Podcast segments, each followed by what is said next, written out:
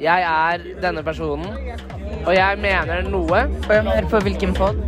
Dette er Thomas Felberg som eh, kaller Du skulle ønske mitt parti ikke samarbeidet med klimafornektere og rasister. Jeg heter Vegard Trøseth Penes. Jeg heter Dan Buchoi og er sjefredaktør i Og jeg håper at flere folk åpner opp og forteller om sitt forhold til rus. Jeg heter Trine Skei Grande og har vært politiker i 25 år. Jeg er generalsekretær for Ungdom. Jeg mener at vi skal ha revolusjon. Hei, jeg heter Ane Breivik, leder i Unge Venstre. Og vi er nå direkte inne fra Storsalen. Her skal det bli fantastisk stemning. Og du hører på Storsalpodden.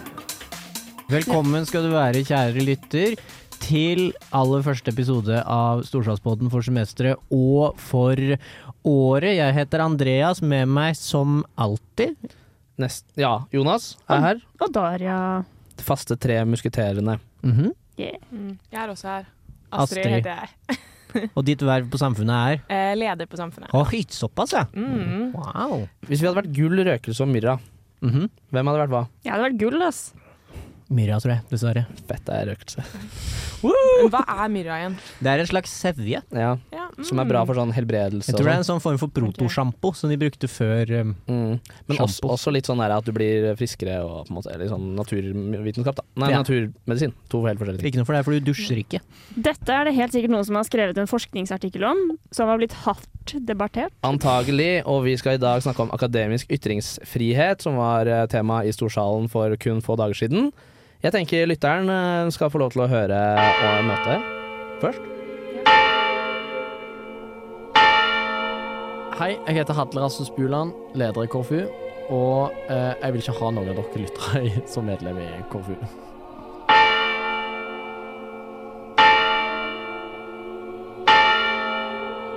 Eh, som Liva sa, så heter jeg Astrid. Jeg er leder her på Studentersamfunnet i Trondheim og skal prøve å få oss eh, helskinnet gjennom eh, denne samtalen her. Og det er vel kanskje ikke så overraskende at vi har valgt dette som tema eh, på dagsorden i etterkant av kaoset som har vært i høst rundt rektor, eller nå avtroppet rektor Anne Borg. Og at det er nettopp derfor vi har valgt tema ytringsfrihet i akademia. Og bare så det er sagt, så ble hun også spurt om hun hadde lyst til å komme. Eh, men sånn ble det ikke denne gangen. Men med meg i sofaen så har jeg sosiologiprofessor Aksel Tjora og førsteemanuensis fra Instituttet eh, for elektrisk energi, Jonas Christiansen Nørland. Og konstituert rektor for, ved NTNU, Tor Grande, som også er tidligere prorektor for eh, nettopp forskning og formidling. Så gi dem en applaus.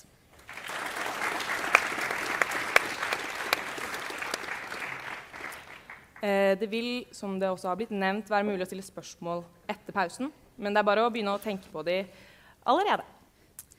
Eh, før vi begynner, så tenkte jeg at jeg skulle prøve å kjapt oppsummere sånn jeg har skjønt det, det som skjedde før jul. Og så får dere heller arrestere meg hvis jeg sier feil.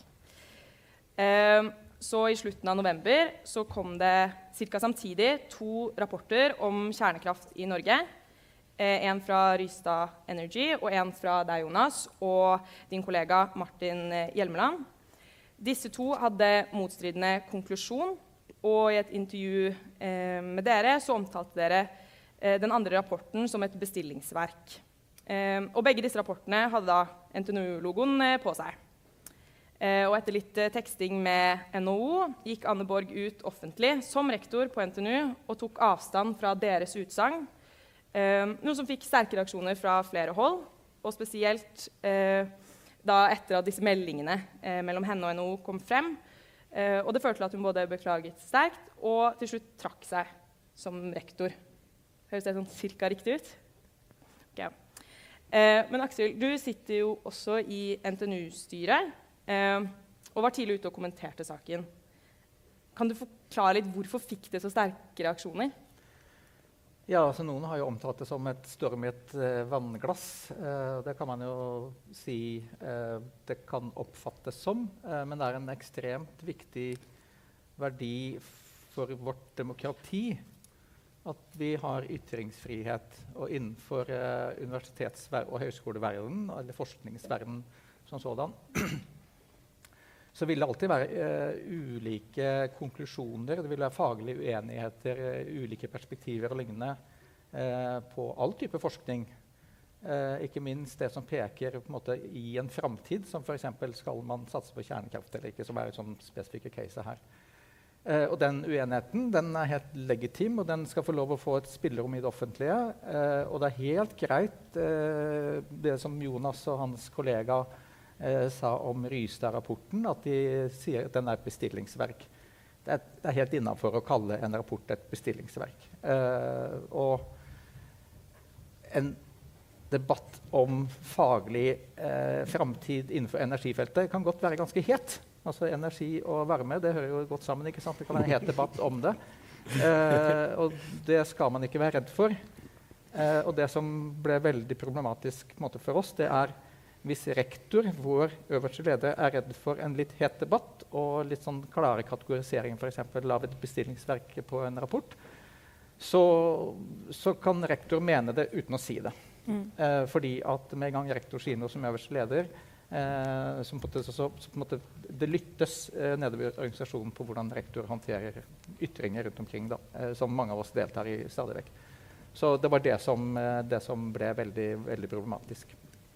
Så det som, det, det som, rektor skrev i ytringen, da, eller den kommentaren på, i Dagens Næringsliv, det var at hun ikke kunne gå god for eh, den tonen som var brukt av Jonas og, og kollegaen. Og så skrev jeg en liten kommentar i Universitetsavisa var det vel, at rektor skal ikke gå god for noen av de ansattes ytringer. Det er ikke rektors jobb. Mm. Hvordan føltes det å liksom få kritikk, sånn voksenkjeft fra toppen? Det, kom det overraskende på? Ja, jeg ble helt satt ut. Jeg var i, på klimatoppmøte i Dubai. Og, og, fikk bare en telefon fra en i Dagens Næringsliv som sa at nå har eh, din eh, rektor eh, gått ut og ville refse deg og din, din kollega. Og vi vil gjerne lage et intervju om, om det her og høre litt hva dere tenker om saken. Så det ble ganske stressa den dagen. Den dagen på Coop ble ikke akkurat slik jeg så for meg på forhånd. For det blei jo liksom måtte jo ta, ta prat med han journalisten da, og prøve å få komme noen noen svar til Dagens Næringsliv, og så ble det jo sak dagen etterpå. Mm. Uh, Tor, du uh, har jo vært en del av rektorstaben en, måte, en, stund. og er det sånn at denne feilen måte, er begått av Anne Borg alene? Eller er det sånn noen av dere i rektorstaben også har et ansvar her for, for at man har en rektor som har gått ut og uttalt seg på den måten om sine ansatte? For det første, tusen takk for invitasjonen. Dette rommet her har jeg brukt mye av mitt liv av, så det er litt godt å være her. Og det er ikke første gangen jeg har blitt invitert hit for å snakke om ytringsfrihet. Så sånn sett så er det et tema som har vært en del av, og som Aksel også har uh, sagt, er viktig i forhold til demokrati, er viktig i forhold til verdier osv. Ikke minst for et universitet. Uh, Anna har jo vært tydelig på å beklage. Uh, så sånn sett så har jo på en måte vårt syn på det det skulle ikke ha skjedd, og det var en, var en feil i, i, så måte. Og så er det en annen ting som jeg har kommentert i den sammenhengen, for nå spør du liksom, sto Anne alene, eller var det mange som var med? Og den samtalen mellom rektors rådgivere og rektor, det skal være fortrolig. Så jeg har sagt at det kommenterer jeg rett og slett ikke. Men det som er viktig å si, er jo Anna beklaga det, og det syns jeg var riktig.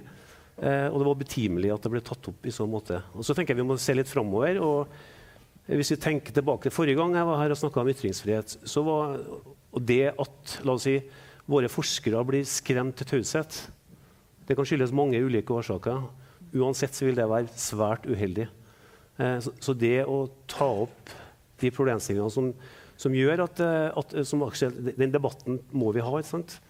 Og Hvis det skal være noen som skal sette begrensninger i forhold til ytringsfriheten, så er det loven og ingenting annet. Mm. Men har du noen tanker om hva som er den største trusselen da? Nå er det på en måte ja, andre ansatte eller ledere eller oss studenter. Altså, vi kan jo også eh, gå ut og mene noe om eh, Ja, Det, det tror jeg er et veldig godt spørsmål. Eh, I mange andre land, kanskje ikke som, i hvert fall ikke i Trondheim eller våre tre universitetsbyer, men spesielt i andre land så har det med kanselleringskultur vært en viktig Mange vitenskapelige ansatte har opplevd. Eh, at studenter har rett og slett reagert på enten et eh, budskap eller en del av pensum. eller hva det skulle være. Da. Så det har vært en veldig viktig eh, diskusjon i mange andre land. Hvis du tenker litt eh, tradisjonelt, så er det faktisk mange vitenskapelig ansatte som opplever at den største trusselen er andre kollegaer. Så at du, du bringes til taushet av andre kollegaer. Det er også en, eh, en stor utfordring som vi må ta på, ta på alvor. Eh, så det å tåle For det, av og til så er det ganske vanskelig. Du kan, du kan høre ting, du kan få ytringer, eller du kan få en, en som, du, som du er svært uenig i.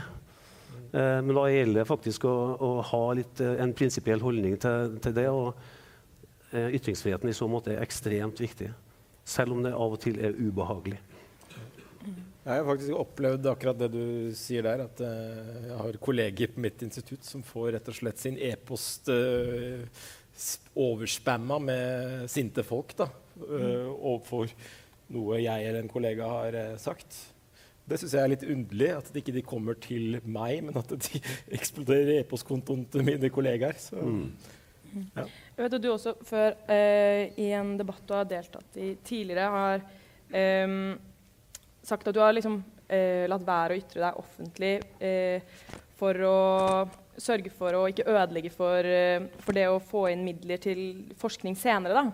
Ehm, og jeg vet ikke, Er det noe dere kjenner dere igjen i? At man, måte, at man vegrer seg fra å si ting? For det koster jo ofte penger å, å få, få lov til å forske på ting. Ja, altså for, mi, for min del, altså det at jeg uh, har uh, Jeg er jo kjempetakknemlig for at uh, NTNU faktisk har uh, spytta inn en liten pengesum eh, på det å utforske kjernekraft i Norge. Det er eneste universitet i hele Norge. Og det er jo faktisk eh, en bannlysning av kjernekraft innenfor energiforskninga i Norge. Det stammer fra tilbake på 1970-tallet. Så det er veldig, jeg er veldig kult at NTNU har vært litt framoverlent akkurat, akkurat der. da. Um, for det er veldig veldig, veldig sterke krefter i Norge uh, imot uh, akkurat den delen av energiforskningen. Der tenker jeg at forskning det er, ikke, det er ikke farlig. Det må vi omfavne og få mer kunnskap om ulike løsninger. Det synes jeg er synd at det har blitt sånn. Men det er jo klart at det, det, det, som jeg og noen av mine kollegaer har gjort de siste årene, det har ikke akkurat vært strategisk hvis vi tenker at vi skal få penger på kort sikt. Snarere tvert imot. Vi, vi blir ikke akkurat kaste penger etter oss. Så, så, det er ikke de intensivene vi har. Vi har mer de intensivene at vi ønsker det beste for, for NTNU, og at NTNU skal være et ledende teknologiuniversitet også i fremtiden. Uh, ja, nå er det jo sånn at uh, NTNU har vel et budsjett på rundt 10 milliarder. Av de så er vel ca. 2,5 eller noe sånt eksterne finansiering. Altså, og det er i all hovedsak fra Forskningsrådet og EU, altså formelle forskningsfinansieringsordninger. Og ganske liten del som kommer direkte fra industrien. Men det som vi kan tenke på framover, det er jo at uh, det kan tenkes at NTNU og andre universiteter også i Norge må ha mye mer direkte finansiering fra ulike private aktører, f.eks. i industrien. Uh, og da kan det jo bli vanskeligere, nettopp den uh, si, kommunikasjonen med industri uh, og som, som, vil spille en rolle hva slags forskning vil finansiere. Vi hadde et interessant tilfelle her for noen år tilbake hvor lakseindustrien var veldig si, sur på forskning knytta til laks, fordi at den var jo ikke næringsvennlig. Og Per Sandberg var jo da fiskeriminister og syntes at det var problematisk at vi hadde så næringsfiendtlig eh, forskning, fordi at den ikke var nødvendigvis pro eh, for forpesting av fjordene pga. oppdrettslaks. Eh, sånn, og det, da kom det rekt, altså, da, da, tenker jeg at for jeg skrev en kronikk i Morgenbladet og så sa at Per Sandberg har et poeng hvis rektorene rundt omkring også tenker at de skal hente penger rett fra industrien, at da greier man ikke å styre unna at det er næringsvennlig hvis man skal få de pengene. Så Derfor er det ekstremt viktig for oss at pengene kommer via Forskningsrådet, via EU, via den type formelle systemer, sånn at, sånn at det ikke er, måte, det er styrt fra bestillere hva som skal være resultatene av forskningen, men at forskningen er åpnere, også kritisk til det som vi ellers eh, åpenbart har eh, stort behov for av, liksom, av industri og, og eksport og, og, så lignende som lakse, lakseindustrien bidrar med. Men den kan ikke definere resultatene av forskning i den industrien. Så det er liksom det, det også å se litt på eh, hva slags forskning som kan bestilles, og hvordan vi skal på en måte som universitet holde liksom, stien vår ren fra den type eh, altså resultatbestilling. Da, for å si det. sånn. Mm. Har du noen tanker om det, Tor? Sånn, hvordan unngår vi det? Hvordan unngår vi at vi bare ja, ender opp med forskning som gir oss de svarene vi har lyst på, som, eh, som næringslivet har lyst til at vi skal gi dem?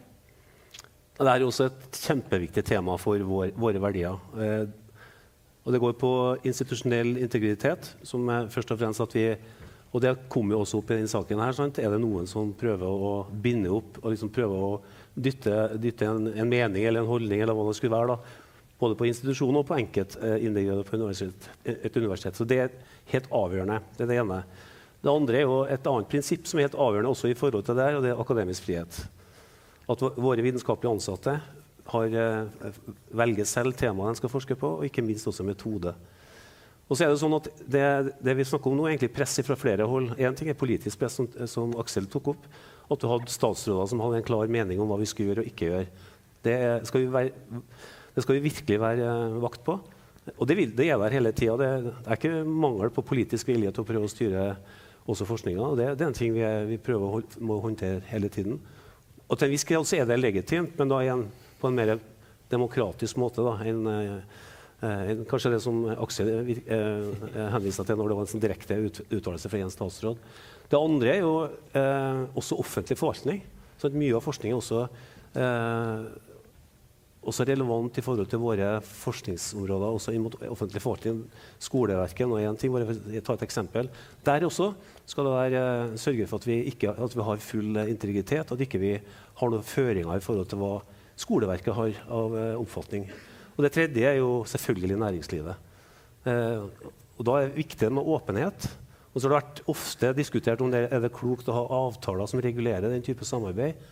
Og der er sagt at Avtaler er på en måte vår mulighet for å kunne sørge for at vi ivaretar integriteten til universitetet.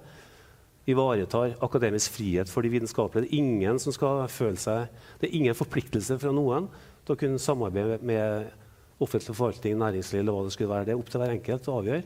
Og det tredje er å, å sørge for at vi har tilstrekkelig stor eh, avstand fra det politiske.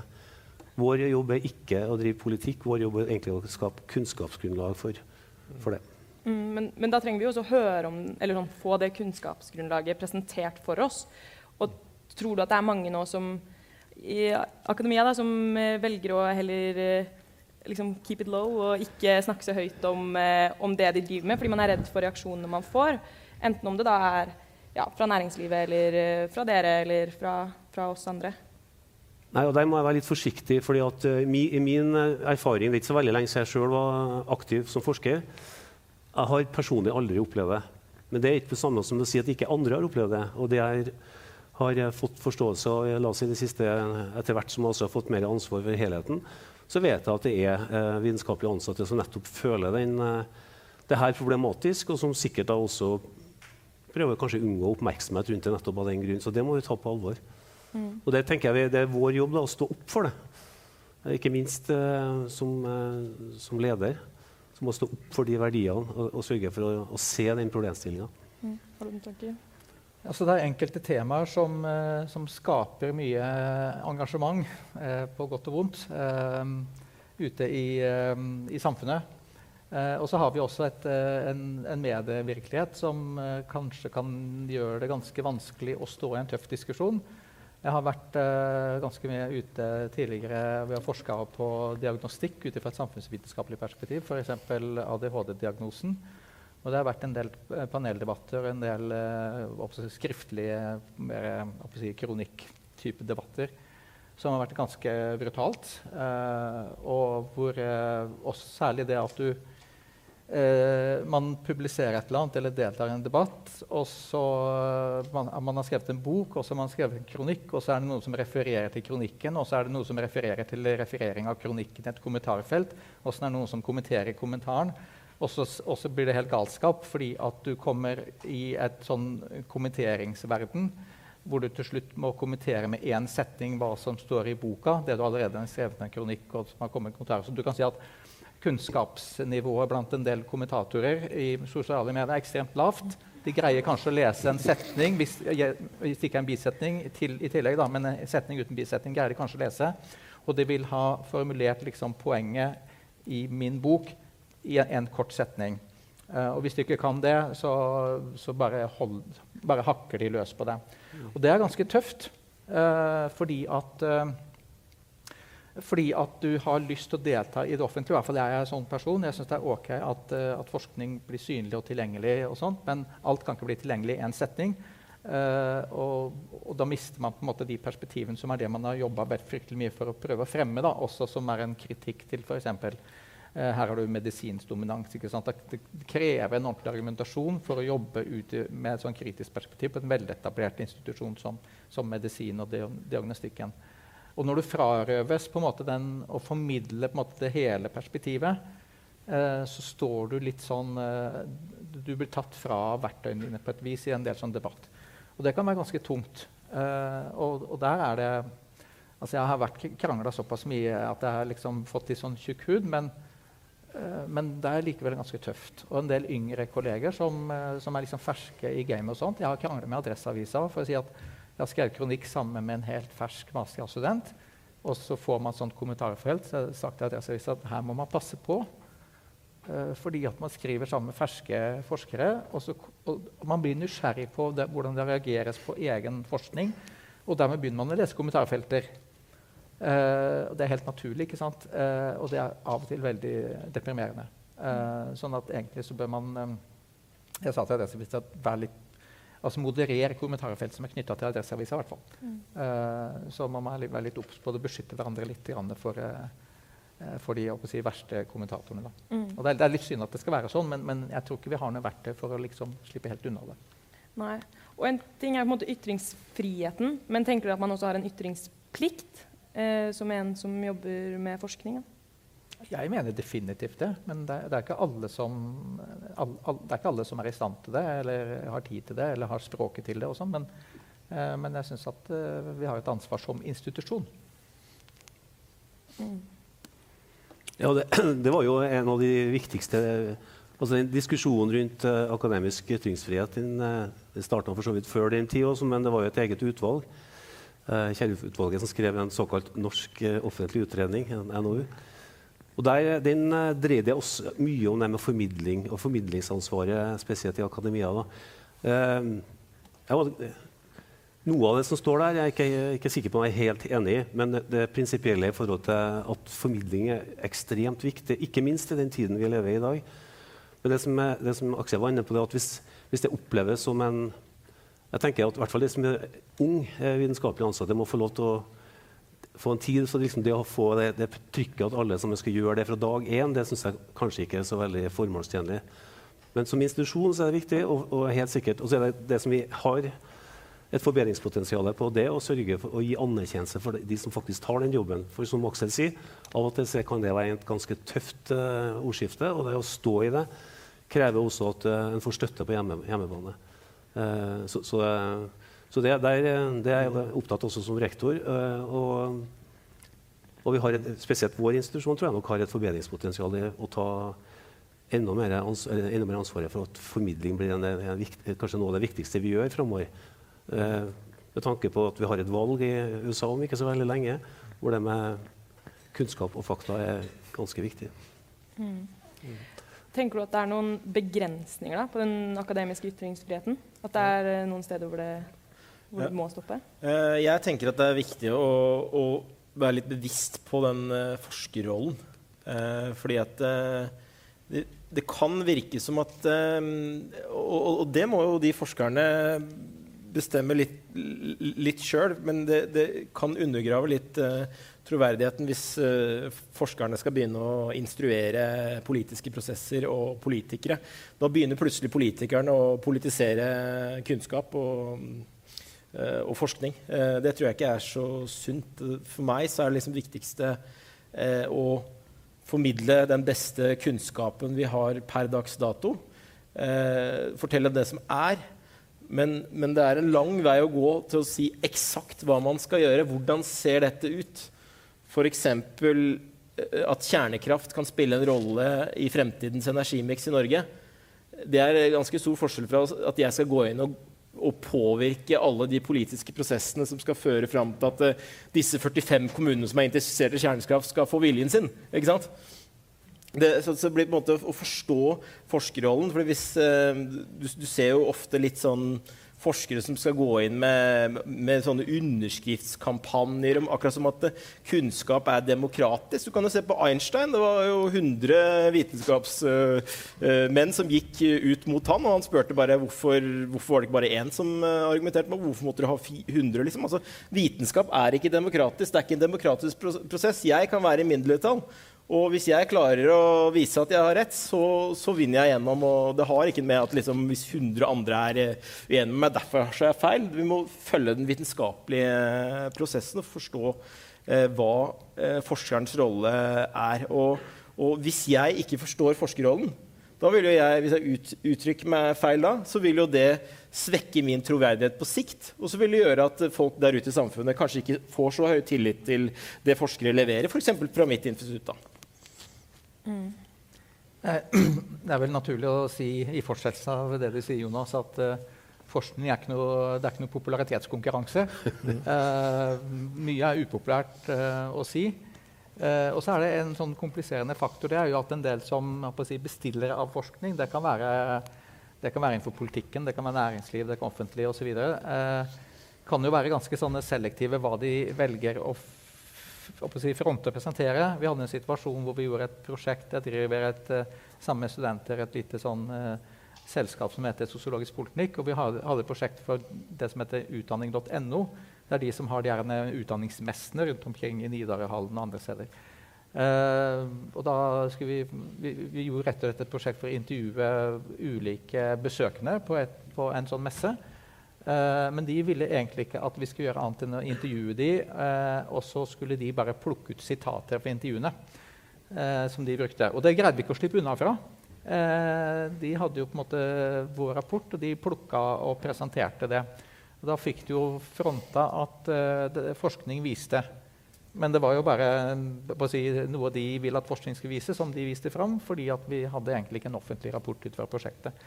Så det er også en sånn, apropos sånn bestillingsproblematikk at uh, du kan risikere å komme i en sånn skvis at du, du har en prosjekt som viser sånn ulike aspekter, f.eks. i en sånn type erfaringer, litt sånn evalueringsaktig forskning, at, at, det da at det, det, plukkes fra hverandre for at de som har bestilt det, kan bruke det for, for sitt hensikt. Men, men, det egentlig, reflekterer egentlig ikke forskningen. Det reflekterer bare noe som de har lyst til å plukke ut. Og Det er også en sånn risiko. Det slipper jeg heller ikke helt fra. Eh, man kan selvfølgelig gå ut og krangle med det. Det var ikke hele rapporten som dere presenterte. Men, eh, men, man kan ikke holde på det i det uendelige. Så det er litt av problemet med formidling også. Det, er på en måte en liksom, det gjør man hvis man har tid, eh, i veldig stor grad. For vi har egentlig ikke noe sånn avsatt det som en del av stillingen, strengt tatt, selv om mange av oss bruker tid på det. Så det, så det er liksom faremoment at vi serverer eh, helsannheter som presenteres offentlig som halvsannheter. ikke sant? Uh, Tor, har du noen tanker om at uh, om det finnes situasjoner hvor man kunne rettferdiggjort uh, den måten Anne Borg gikk ut og kritiserte på? Finnes det på en måte situasjoner hvor det hadde gitt mening? Og, og sånn, er det ytringer ansatte ved NTNU kan komme med hvor man, hvor man burde reagert på den måten? Heldigvis har vi mye kloke folk på et universitet. og En av, en av de, Helge Holden, han har skrevet om det, det som har skjedd de siste her, både i Universitetsavisa og Krono. Og jeg syns han egentlig beskrev det veldig godt. og det er jo at eh, De ytringene som hver enkelt individ, også på universitetet, det må hver enkelt stå, stå for. Eh, og så er det egentlig bare loven som setter begrensninger hva du kan si og ikke si. Eh, og noe mye mer enn å si enn det er det faktisk ikke. Så det svaret, det svaret jeg gir på akkurat det spørsmålet. Mm. Hva med på privaten, da? Liksom, har man et annet ansvar som i deres type roller? Eller er det sånn, kan en professor være liksom, et nazi rasistisk nettroll på fritiden sin? I den, den, i den utredninga som jeg snakka om, så er det jo brukt betydelig tid på å prøve, prøve å gi en forklaring på forskjellen mellom ytringsfrihet generelt da, og akademisk ytringsfrihet. Og det er jo en, alltid en gråsone. Eh, Men uansett tenker jeg, så er det klokt å ikke gå inn i en situasjon hvor en, hvor en skal, eh, hvor en skal korrigere på et, et Ja. utsagn. Altså det, det, det, det, det viktigste er kanskje at andre som har andre meninger, kommer til orde, for å si det på den måten. Men det er jo noe fundamentalt forskjell på ytringsfrihet generelt. Ytringsfrihet generelt så er det jo lov å mene dumme ting. ikke sant? Mens eh, akademisk ytringsfrihet så er det et visst eh, kvalitetskrav på det du ytrer deg om. Nei, det er lov å være dum akademiker. altså. Jeg tror vi hadde jo en, eh, en, eh, et sånn styreseminar med Anine Kierulf for to år siden. eller sånt. Eh, Så jeg husker veldig godt Anine eh, sa at eh, det er også lov for en akademiker å være idiot. Mm. Eh, en ting jeg lurer på er sånn, Hvorfor burde vi bry oss, vi studenter? Er, det, er dette noe som angår oss? Ja, for nå, nå sitter vi her på eh, Studentersamfunnet.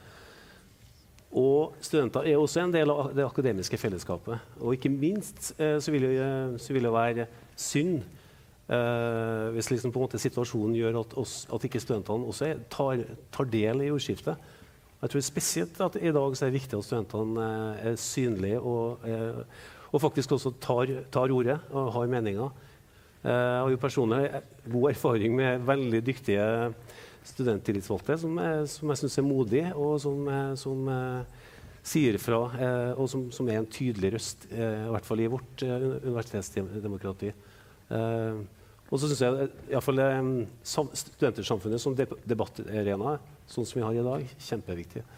Mm. Så det er viktig å få med studentene som en del av det akademiske fellesskapet. Ja, Tenker du at NTNU måtte, ja, eh, oppfordrer til det og legger til rette for det og lærer oss om det? Hvilken rolle vi har i det, i, innad i det systemet? Vi kan sikkert bli bedre.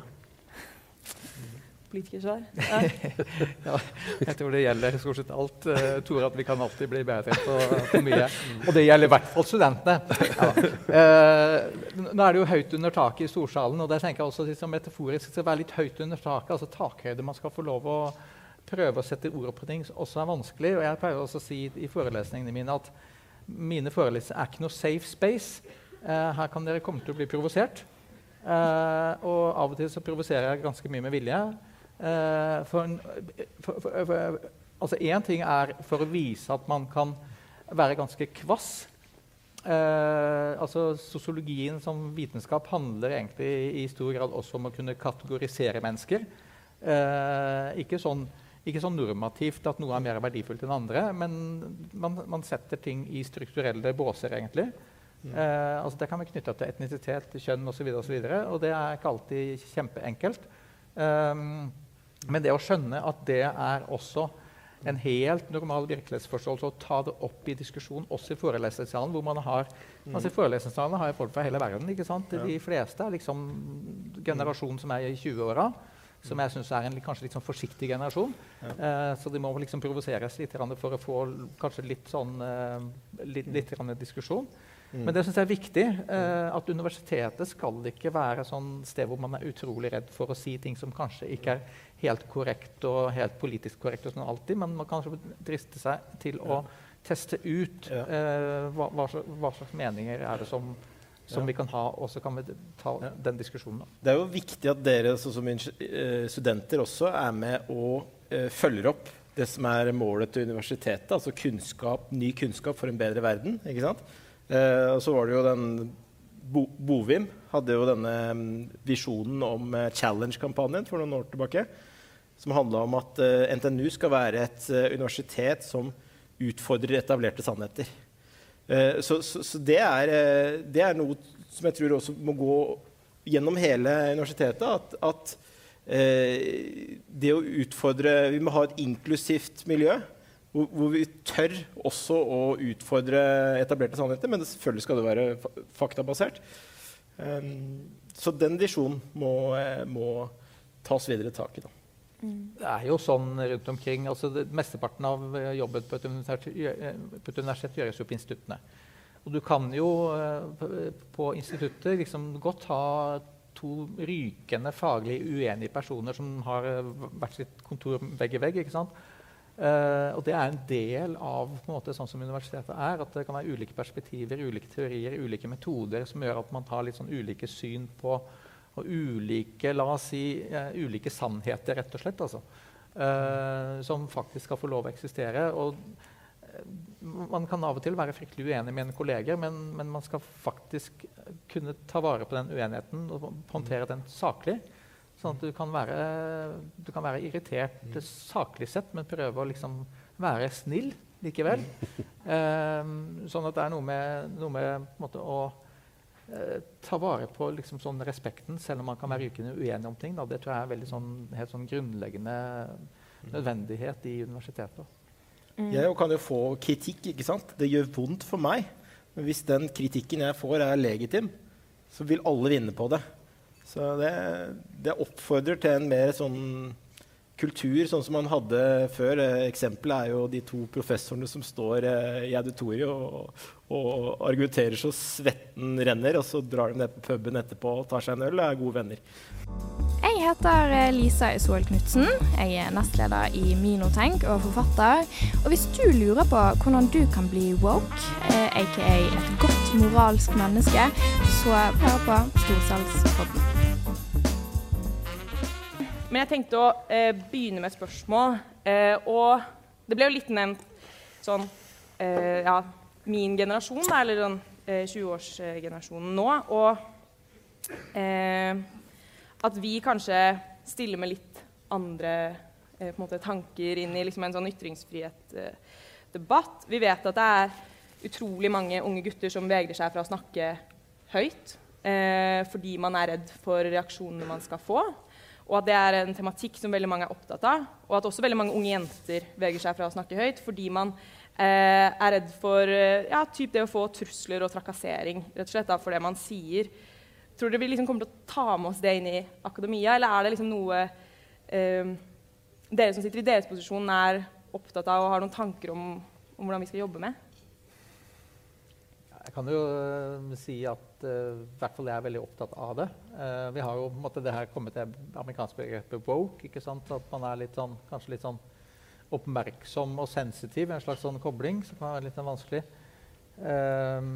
jeg er jo veldig skeptisk til at alle skal være så utrolig hårsåre hele tida. særlig når det er hårsåre på vegne av andre.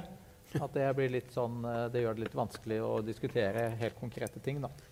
Uh, derfor også, som jeg nevnte, at jeg advarer liksom, på første forelesning at det her kan komme til å komme opp begreper som kan utfordre noen. Og så kan man heller ta de diskusjonene, da. Eh, men eh, samtidig så jo, må man forstå sant, at okay, hvis du syns det er vanskelig å snakke om enkelte typer tema, hvilke ord skal du bruke? Eh, vi har jo hatt en veldig interessant diskusjon knytta til hudfarge. For altså, hvilke ord skal du bruke på ulike hudfarger etter hvert? ikke sant? Etter hvert er språket tomt. Du er liksom redd for uansett hva som blir riktig. Eh, for du er redd for sine feil og vet dermed ikke hva som er riktig etter hvert. Eh, så, så det, gjør det, gjør det, veldig vanskelig, og det gjør det vanskelig å være liksom, rett konkret eh, på ting. da. Eh, så det, det syns jeg er verdt å være litt på vakt mot. fordi at etter hvert så tømmer vi jo nærmest uh, språket for uh, konkrete ord. Til slutt så er det bare svada ikke sant, som man står og gulper opp. og Da blir det ganske uinteressant uh, å snakke med hverandre. men også faglig sett så har vi et krav tenker jeg, å være konkrete. og at, en, at, at, ord har et konkret innhold, at vi bruker ord med konkret innhold, som også kan ha en vanskelig historikk. Det fins jo eksempler på det. Så jeg tenker som, som, som undervisere særlig, så må vi være eh, observant på det.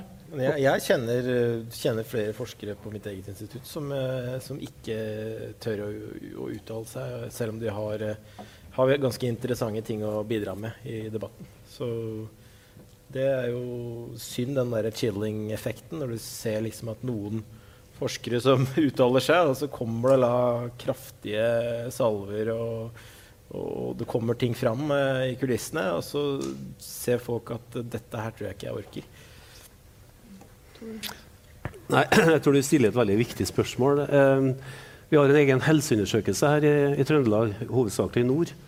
Eh, og hvis du kikker litt på hva, hva, de har funnet ut, i hvert fall i forhold til eh, psykiske eh, utfordringer, for, og spesielt unge, så har det har vært en klar tendens til at din, det økte med når sosiale medier på eksploderte sånn for 10-15 år siden. Eh, og så tror jeg også vi har lært også under pandemien at eh, jeg tror også det er en, skulle si at samtalen er litt mer sivilisert når vi møtes fysisk. Eh, da, da velger kanskje folk andre ord. Er det lettere å, være, å ty til litt mer ekstreme eh, påstander. skulle si. eh. Men i hvert fall er samtalen annerledes eh, digitalt enn den er fysisk. Så bare det i seg sjøl viser jo hvor viktig det er at vi klarer å få, ikke minst få studenter tilbake på campus. Eh, jeg tenker altså, som Aksel sier, den, også bringe den diskusjonen inn i en forelesningssal, for eksempel, sånn som du viste til før påske, eh, før, ikke før påske, før pause. Uh, så jeg, jeg, jeg, tror, men jeg tror det her er en ting vi må virkelig være opptatt av. For um, hvis, hvis på en måte den uh, frykten, eller hva du kaller det, som yngre har i forhold til det å, å være for perfekt, da, skutt, å si, eh, du, altså du tar med deg det inn i, inn i voksenlivet også, for å si det på den måten, så vil jo det være svært uheldig. Ja. Mm. Jeg tenker Vi tar eh, første spørsmål, og det er da fra Erik eh, Johans, eh, Johansen.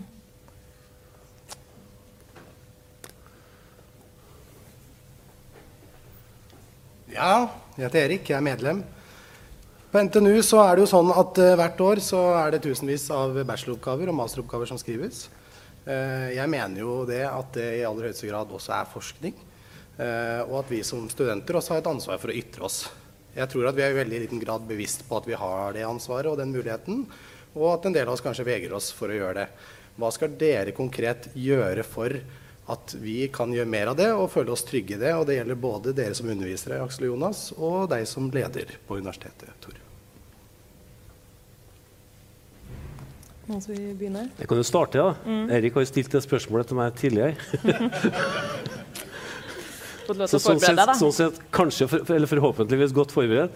Nei, jeg tror det, det som Erik tar opp, er det å sørge for at, eh, at undervisning og at studentenes utdanning på en måte er tatt inn i, eh, i forskningsvirksomheten, og ikke skape en avstand mellom den faglige aktiviteten og undervisning, er helt avgjørende.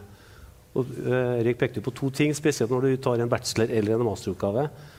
Og det å sørge for at de opp, det, altså den tematikken eller det problemet du tar tak i i den oppgaven, er relevant for det fagmiljøet som også din veileder er en del av. Jeg, for det første så tror jeg det er motiverende og mer interessant eh, i så måte.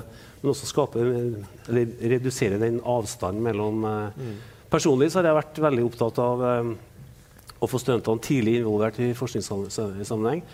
Også fordi jeg litt, skulle til å si, vært eh, av personlige årsaker fordi vi ønsker også å rekruttere norske studenter inn i doktorgradsstudiet, eh, som har vært en utfordring innen, innen mitt fagområde. Og det, det, jo tidligere vi starter, jo tidligere har vi også klart å eh, vekke liksom, nysgjerrigheten hos studentene mot, eh, mot forskning. Da. Ja, jeg tror også at det skal være forskningsbasert, den utdanningen som gis, både på bachelor og, og master. Og så er det kjempefint hvis disse bacheloroppgavene og masteroppgavene ikke bare ender i en skuff. At, faktisk, at vi har et mål om at vi skal faktisk få noe ut av det arbeidet som skal bli gjort. Da. Ha en plan på at eh, hvorfor gjør vi dette arbeidet hvis vi ikke vil gjøre noe med? Vil vi formidle funnene våre? Vil vi søke patent? Vil vi eh, publisere forskning på, basert på det? Vi må ha en mer plan om hvorfor vi gjør det vi gjør. Da, da tror jeg det også blir litt spennende, mer spennende for disse studentene som tar disse oppgavene.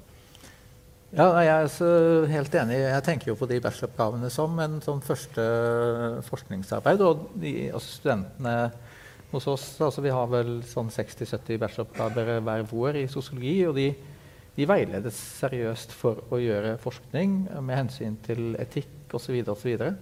Uh, hvis, jeg redigerte også en bok sammen med to, ko- do, to gode kolleger for et par år tilbake, uh, Ingvild og Gunhild, som heter 'En smak av forskning'.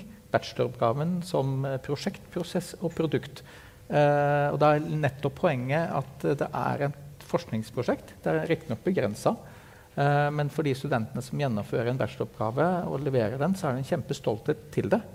Selv om de leverer den digitalt, så er det ganske mange av de som vil trykke opp et papireksemplar eller ti Nettopp fordi at det, oh wow, jeg Mm. har faktisk forska. Jeg har lagd et forskningsprosjekt. Jeg har gjennomført det. Jeg har stort sett vært alene om det. Jeg har fått litt hjelp av veileder, men det her er på en måte mitt, mitt forskningsprosjekt. Og det er helt fabelaktig. Eh, at det er mulig etter ikke så altfor eh, to-tre år etter man har begynt å studere. Eh, så vi vektlegger det veldig og tar det veldig veldig seriøst at det her er for studentene et ordentlig, ordentlig viktig prosjekt for en sjøl. Mm. Og eh, jeg har eksempler på bacheloroppgaver som har måtte, kommet inn som kapitler i forskningsantologier.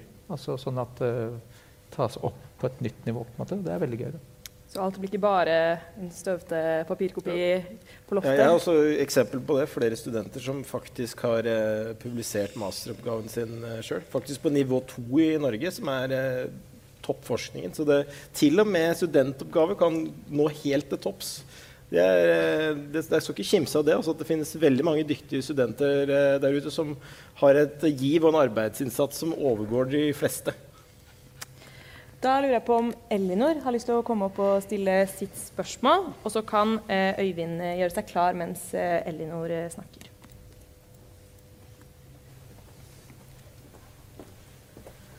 Hei, jeg heter Elinor, og jeg er medlem. Ehm, Jeg minnes tilbake til et samfunnsmøte det er nok litt over et år siden nå, eh, som handlet om fake news. Eh, Og Der var Snorre Valen med. Og han kom på tampen med en sterk oppfordring generelt til akademia om at vår stemme er savnet i offentlig debatt. Og særlig i et samfunn hvor det er mangel på god og riktig faktagrunnlag, så har vi som akademikere kanskje til og med et ansvar. Har vi et moralsk ansvar til å bidra med faktagrunnlag til det offentlige? Så hvis vi skal ta på oss dette ansvaret, så er det jo dessverre sånn at uh, særlig i det norske samfunnet i dag, så er det jo ingenting som ruster oss til å være gode til å ta imot kritikk.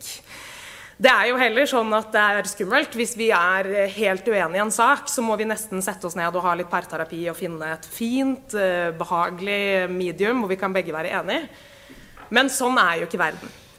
Eh, så eh, kanskje egentlig problemet ligger mer i hvordan skal vi ruste våre vitenskapelige ansatte våre vitenskapelige, ja, til å eh, tørre å stå i den stormen til å ha et godt støtteapparat rundt seg. For vi har jo ikke noe kontroll på hvordan det vi mener, blir mottatt. Men NTNU kan jo i større grad eh, ta kontroll over hvordan man er støttende rundt de som ytrer seg offentlig. Så mitt spørsmål er vel egentlig litt vagt rundt hvor ligger ansvaret for god debattkultur? Og hvordan kan NTNU påvirke det til å bli positivt over tid? Men ikke minst, hvordan kan NTNU på en bedre måte være en god støtte til de vitenskapelige ansatte som må stå i stormen etter at de har ytret seg? Ja, store, store spørsmål. Har du lyst til å svare først, eh, Tor? Eh, Det er utrolig viktige spørsmål som er stilt, og det er ingen enkelt svar å si eh, svar på det sånn direkte.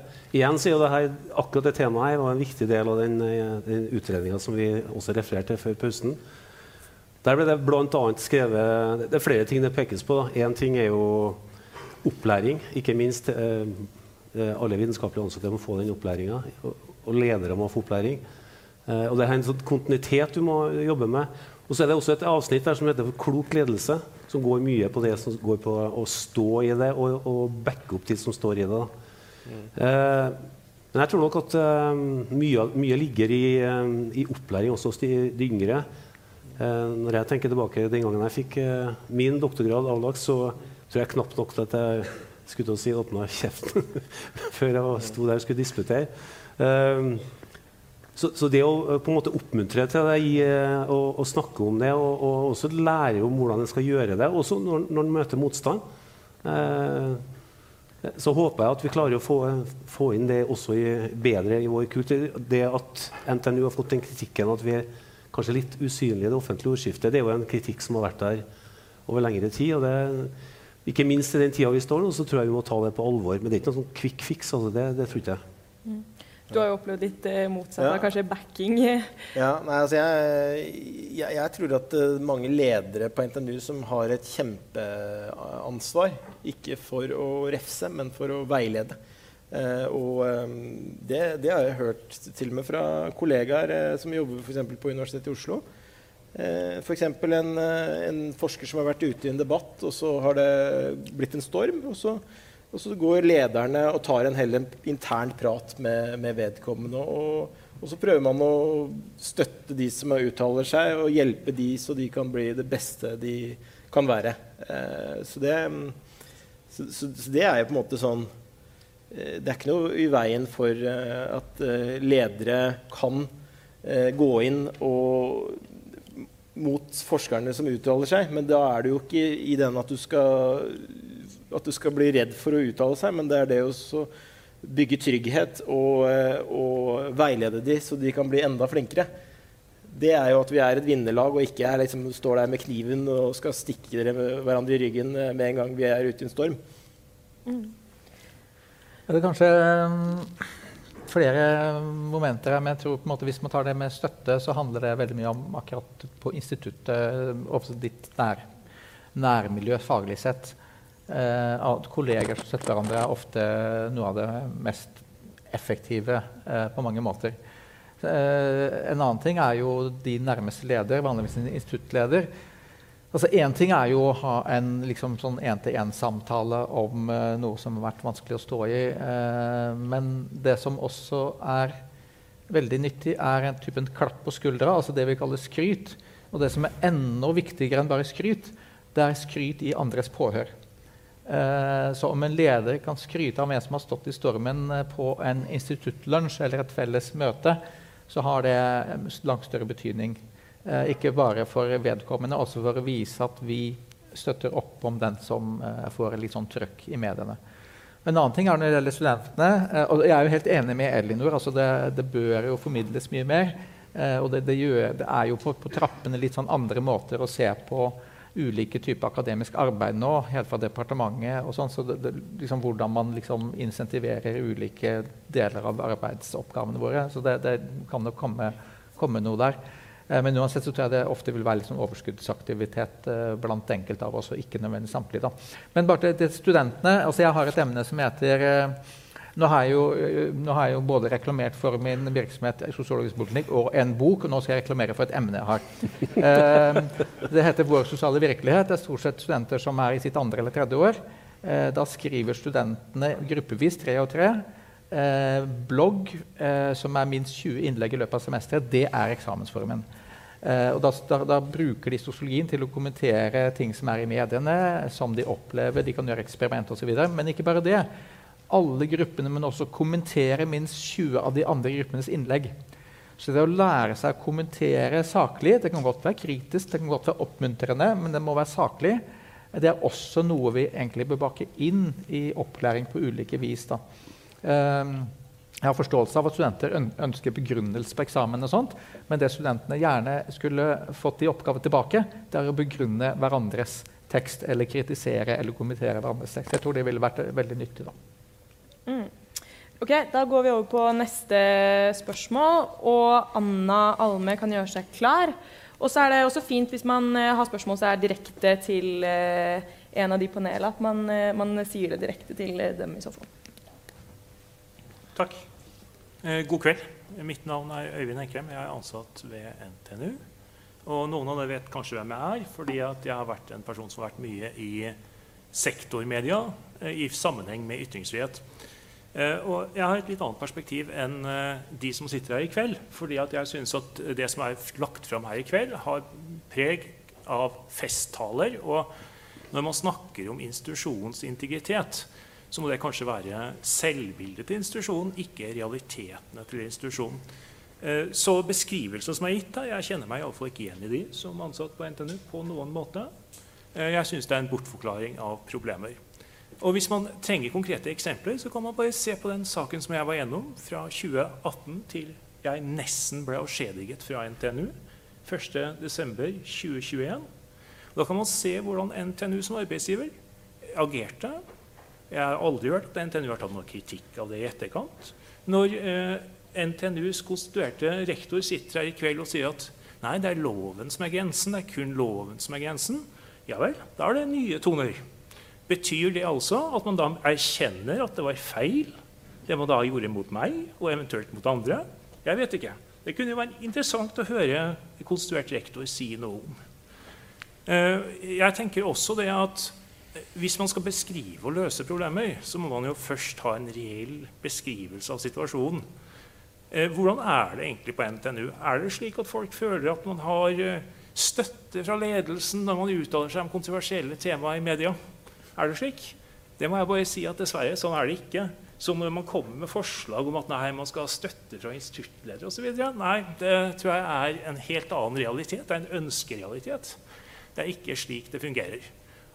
Og det handler jo selvfølgelig om interesser, det handler om tilganger til penger, det handler om slike ting som hvilke synspunkter skal gjelde. Særlig i kontroversielle spørsmål så er det jo interesser som står bak. Og da er det jo sånn at en enkel måte å få sitt synspunkt å gjelde på, det er jo bare å si at nei, det er vi som uttaler oss om dette her, og så skal vi skandalisere motparten osv. osv. Aksel, vi deltok jo på en tilsvarende debatt i 2018. du husker det? Yes. Jeg kjenner nesten igjen alt som blir sagt i kveld. Det er jo ingenting nytt. på tross av NTNU har vært igjennom. Den ligger jo ute på YouTube også, så man kunne jo se på den. Det er jo som en reprise av hva som er sagt i kveld. Uh, og jeg tenker jo det at uh, Her bør vi ha klare svar. Ikke vagheter om eh, 17. mai-taler om hva NTNU burde gjøre. Men man burde heller gå inn i seg selv og se hva er realitetene. Hvorfor er det slik at NTNU gang på gang kommer opp i skandaler i media med ytringsfrihet? Takk. Ja, her er det mye å ta tak i. Er det noen som føler kallet? Jeg kan jo godt starte. Eh, det er helt riktig som eh, Øyvind sier, at eh, her er det store ulikheter. Og jeg tenker fortsatt at instituttnivået er ganske viktig her. For det er der man i hovedsak tar vare på kolleger. Og det er ingen tvil om at Én eh, ting er jo eh, saken til Øyvind, men også an andre saker hvor det er helt åpenbart at eh, leder ikke har gjort sin jobb. Da snakker jeg om instituttleder, det kan være dekan, det kan være rektor. Og jeg har jo også Uh, vært uh, i ulike saker uh, som jeg har skrevet om. Uh, Bl.a. Ocean Space Center var et sånt eksempel som jeg var veldig kritisk til. som jeg for så vidt er veldig kritisk til, men jeg var mer aktiv i kritisk debatt for et par år tilbake. da opplevde jeg jo også en del fagpersoner i marinmiljøet ved NTNU som tok en telefon til meg og snakka om ting de ikke følte at de kunne si på instituttet. Eh, så sånn er det. Så jeg, når jeg, når jeg, jeg, tenker ikke at jeg har holdt på med festtaler, men jeg prøver å beskrive for spørsmålet var hvordan vi skal endre på ting. Og da må man si noe om hvordan man, ting, hvordan man vil at ting skal være.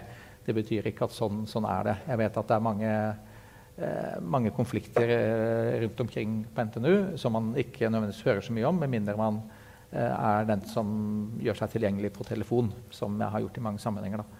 Så det, det, er på en måte liksom, Vi er ikke på plass. Eh, og det er store variasjoner.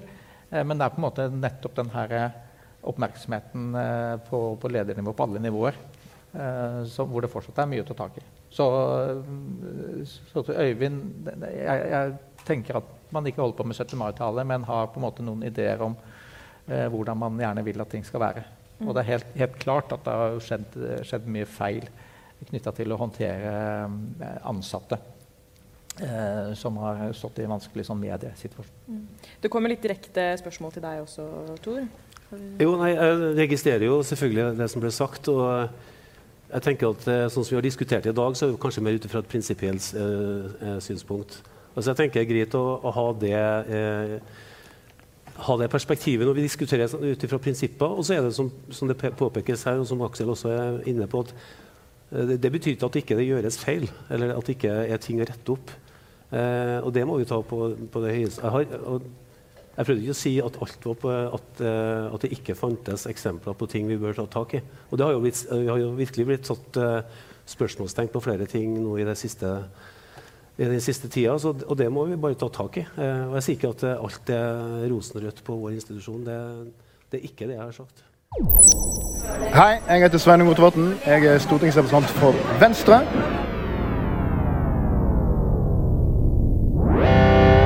Og jeg syns vi skal komme oss til Mars så fort som mulig, og alle bør skrive nynorsk som hovedmål.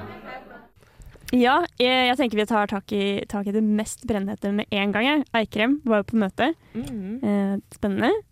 Ja, det var veldig spennende. Eller sånn eh, Jeg syns jo det var et veldig spennende møte generelt, men han, det bidrar jo med en litt eh, brodd, eller hva man skal si. da. Å Mm. ha noen som har stått så tydelig i en veldig profilert sak rundt akademisk ytringsfrihet og ytringsfrihet, og hvordan NTNU håndterer det, og ja. Mm. Jeg tror du kan den saken best av oss fire. Har du lyst til å oppsummere den? Jeg kan prøve, i hvert fall. Jeg skal ikke påstå at jeg, jeg vil ikke kalle meg noen ekspert på det. Eh, ikke at jeg vet hvor mye verdi det er uansett å kalle seg en ekspert på ting, eh, men eh, nei, det, det er vel at han eh, ble på en måte beskyldt for å ha liksom typ, sånn falske Facebook-brukere, hvor han spredde Mm. masse rasistisk innhold.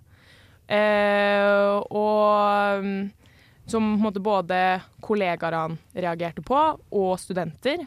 Og så ble han på en måte forsøkt sparket for dette. Det ble ikke liksom bevist 100% at han egentlig hadde gjort noe ulovlig, eller noe sånt. Men man ønsket ikke Eller ja, de som da prøvde å sparke han, og noen studenter som også skrev liksom et opprop og sånn, ønsket ikke å ha han ansatt ved NTNU.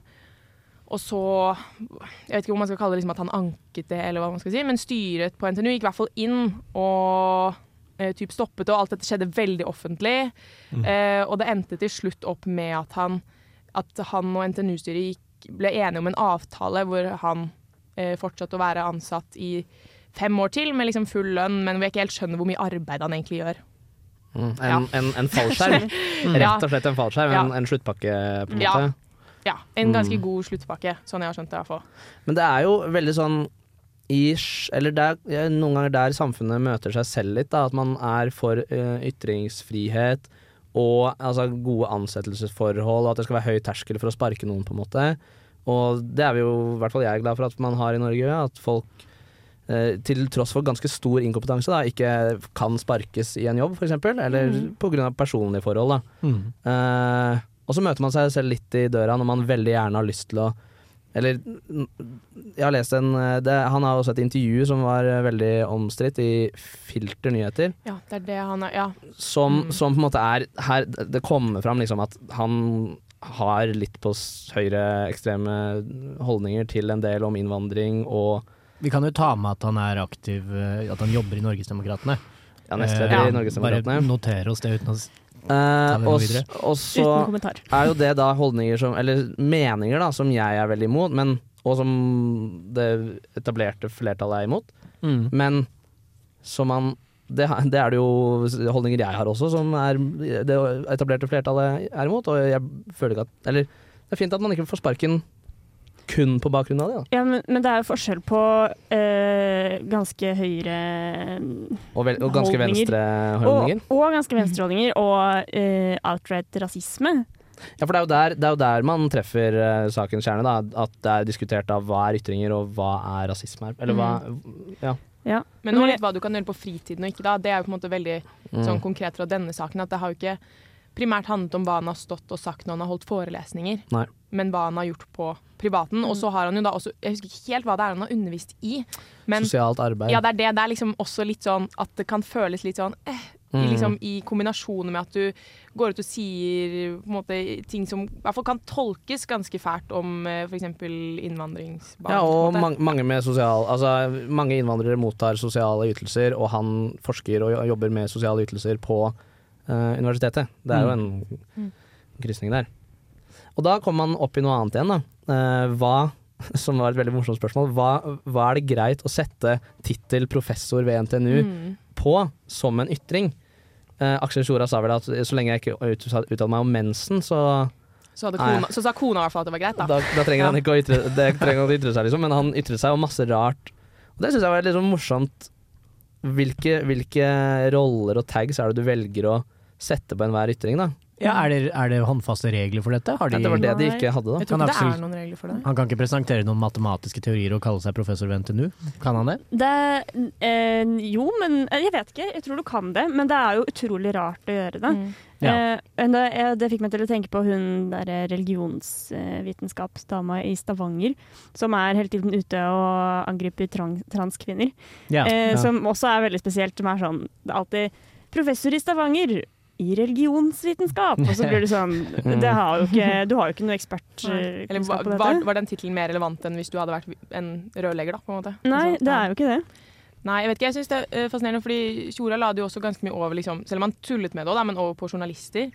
Og det er sånn pappa hadde sett på og sendt meg melding etterpå. Eh, og var litt sånn, jeg syns han forenklet det litt, liksom. At det kun skal ligge på presseetikken og skulle ta en av, altså liksom avgjørelse på det. da. At Ja, sånn, hvilken rolle du, du legger til, liksom. Ja, Mm. hvem du inviterer. At det er ofte sånn at journalister også velger de samme profilene man kjenner igjen, og Um, og de folka de, ser, de mener tar seg liksom best ut da, i intervjuer og Mm. lignende. Det er jo han, han økonomiprofessoren på Universitetet i Bergen eller noe sånt nå, som er uttalt om alt som har med renter og lån og skatt å gjøre. Fra Luksusfellen? Eller ikke? Eh, For jeg føler at sånn type de da, er jo på alt. Ja, det er, Altså, det er alt noen som av har de med som økonomi å er gjøre. Ja, Hallgeir Kvalsheim er Ja. faktisk på alt. Men òg hun andre. Altså sånn, Ja, ja, ja. ja. De er overalt. Og det er også sånn jeg husker eh, Og hun der DNB-dama er på alt av sparing. Oh, Mm. Ikke snakk om DNB-dama. Men det er liksom noen folk som jeg liksom vet sånn ja, at jeg føler alle i Norge har et forhold til liksom, hvem de har som liksom, biologen, og hvem de har som eh, Altså Dago Hesten, liksom, Mm. er biologen. Liksom kan uttale seg om alt som har med biologi å gjøre, men det finnes jo bed, altså, folk som er mer spes altså, spesialiserte innenfor de På områdene han snakker om. ja. Sånn Mm. type alltid, vil jeg tro. Ja. Og så, det siste jeg lurte på, da. Så jeg tar, det, jeg tar de tingene jeg lurer på. jeg. Og så Ja, og så snakker- Ja. og så- er snakker i snakker vi på en måte om de, og så håper jeg lytteren også lurer på noen av de tingene. da. Hva er forskjellen på ytringsfrihet og en ytringsfrihet, ytringsfrihet med et adjektiv foran? Er det adjektiv? Akademisk, politisk eh, osv. ytringsfrihet. Hva er på en måte Er det en innskrenking type Hva er forskjellen? Hjelp meg, hva er forskjellen? Det må jo, altså Akademisk ytringsfrihet akademisk må jo handle om uh, ytringsfrihet til å presentere uh, forskningsresultater og altså ting du har produsert som akademiker. Mm. Det, og det er jo noe ganske forskjellig fra å ytre meninger, egentlig. Mm, og ytringer du gjør på vegne av den rollen du har som akademiker. Ja. Sånn at ja, hvis du ja, forsker på noe som har med på en måte, matematikk å gjøre, når du begynner å uttale deg om noe helt annet, så gjør du det som eh, måte, ved bruk av den vanlige ytringsfriheten, men ikke som på vegne av den akademikeren du er. da. det ville jeg også sagt. Men dette her er jo veldig skjønn, da. Det finnes jo ikke noe det finnes jo ikke noe ytringsfrihetshåndbok, på en måte. Nei, dessverre for Anne Borg for eksempel, da, som mener at eh, akademisk ytringsfrihet er kjernen i problemet her, og så virker det som hun ikke selv visste hva det var. Ja, men det, er jo, det fins jo vel en håndbok? Det jo noe Er ikke det en veldig sånn er veldefinert greie med akademisk ytringsfrihet? da? Men når det kommer til forskerens rolle i samfunnet osv. Kanskje det At er det. forskere skal uttale seg. Altså sånn Jeg vet ikke om det er noen de må skrive under på en måte, før de får lov til å Nei, men det er vel et veiledende prinsipp, i hvert fall. Da, at uh, en forsker som sitter i kjelleren sin og finner ut masse smart matte, er jo ikke så nyttig hvis ikke han kommuniserer det og, og faktisk eh, får lov til det. Jeg liker at dere tar Mm. opp matte hele tiden, som om matte er det mest kontroversielle faget. Ja. Altså, Det er det mest- det uttalte. Ja. Ja, Men la oss gå tilbake til biologien. Da. Det var jo et uh, spørsmål uh, som ble diskutert litt om uh, f.eks. Uh, forskning innenfor rase og forskjeller på forskjellige menneskeraser. Da.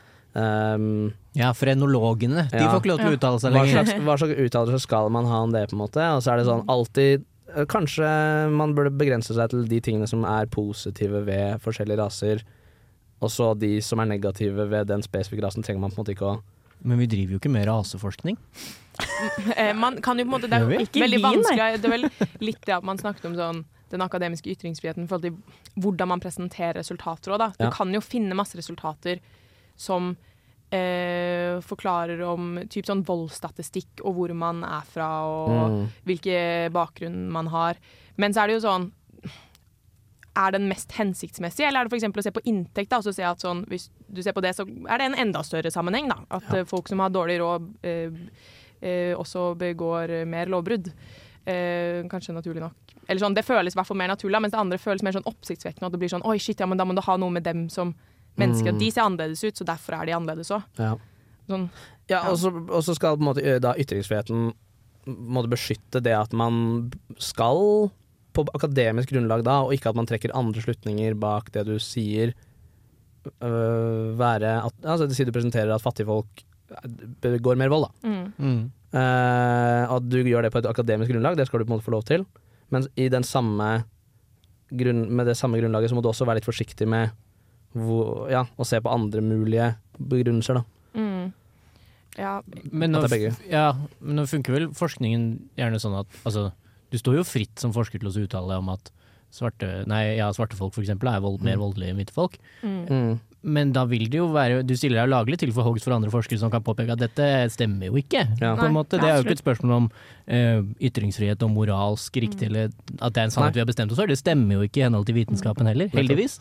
Men moralen på om man tenker om er det tall vi har lyst på, da, og kanskje Eller jeg husker ikke hvordan det spørsmålet var formulert fra salen, men at uh, ja, om det er liksom all forskning som er ønskelig, da, sånn tjener vi noe på å finne ut av det? Sånn eh, hvis man hadde funnet ut av noe helt sånn sykt eh, Sykt store forskjeller da, på folk som har eh, blondt eller rødt hår, altså, Mm. som gjorde at sånn Shit, her burde vi jo ta tak, og liksom eh, alle som har rødt hår, burde liksom kurses gjennom et eller annet, liksom, for å, Ja, ja, ja. fordi dette er et stort samfunnsproblem. Men, Ja, hvis det er noe man liksom ikke kan bruke til noe, da er det noe vi burde forske på, noe som burde uttales høyt, eller kan denne informasjonen misbrukes til at man f.eks. ender opp med å hate alle med rødt hår? Da? Jeg tror svaret er det er litt for innfløkt til at vi kan løse det akkurat her og nå. Svaret er både ja og nei. Og derfor tenker jeg at lytteren kanskje bare må finne ut av det selv. Komme på debatter eh, på Samfunnet dette semesteret. Og fortsette å høre på Storsalspodden. Fortsette å høre på Storsalspodden. Ikke minst. Før vi legger på, Astrid, vil du plugge noe? Det har jeg hørt på sånne andre podkaster jeg hører på, det gjør de, liksom. Hva, hva Vil du, promotere, vil du promotere noe, liksom? Oi, en noe? nylig, for Shit, jeg har ikke skrevet en bok nylig. Eh, Dette publiseres på søndag, da, så ikke, ikke publiseres på, publiser på ja. søndag. Mm. Uh, nei, jeg reklamerer reklamere for Samsmødra. da. Eh, jeg gleder meg dritmye. Det blir eh, noen sjukt bra møter. Det kommer noen sinnssykt fete folk som jeg gleder meg veldig til. Mine tre liksom, favoritt altså, internettpersonligheter, jeg vet ikke om jeg skal Mm. kalle det det, Mm. men eh, eh, vil i løpet av liksom, min periode som leder i hvert fall ha vært innom et samfunnsmøte hver. Kom igjen, da, gi oss, gi oss én juice, da. Én juice. Eh, Mimmer. Ja! På sosial ulikhet. Ja, det stemmer. Boom. Ja, men da, da, da snakkes vi, da. Ja, og så må vi bare si at Samfunnsmøtet de lages av eh, styret på Studentersamfunnet i Trondheim. Ja. Storsalspodden lages av oss. Radio Revolt. Yeah, Stemmer. toodaloo. Tusen takk til KSG og teknikerne i Radio Revolt. Nei, det gidder jeg ikke. Takk til uh, nybyggkomiteen for å på en måte um, Inkludere oss i huset. Adjø. Ha det.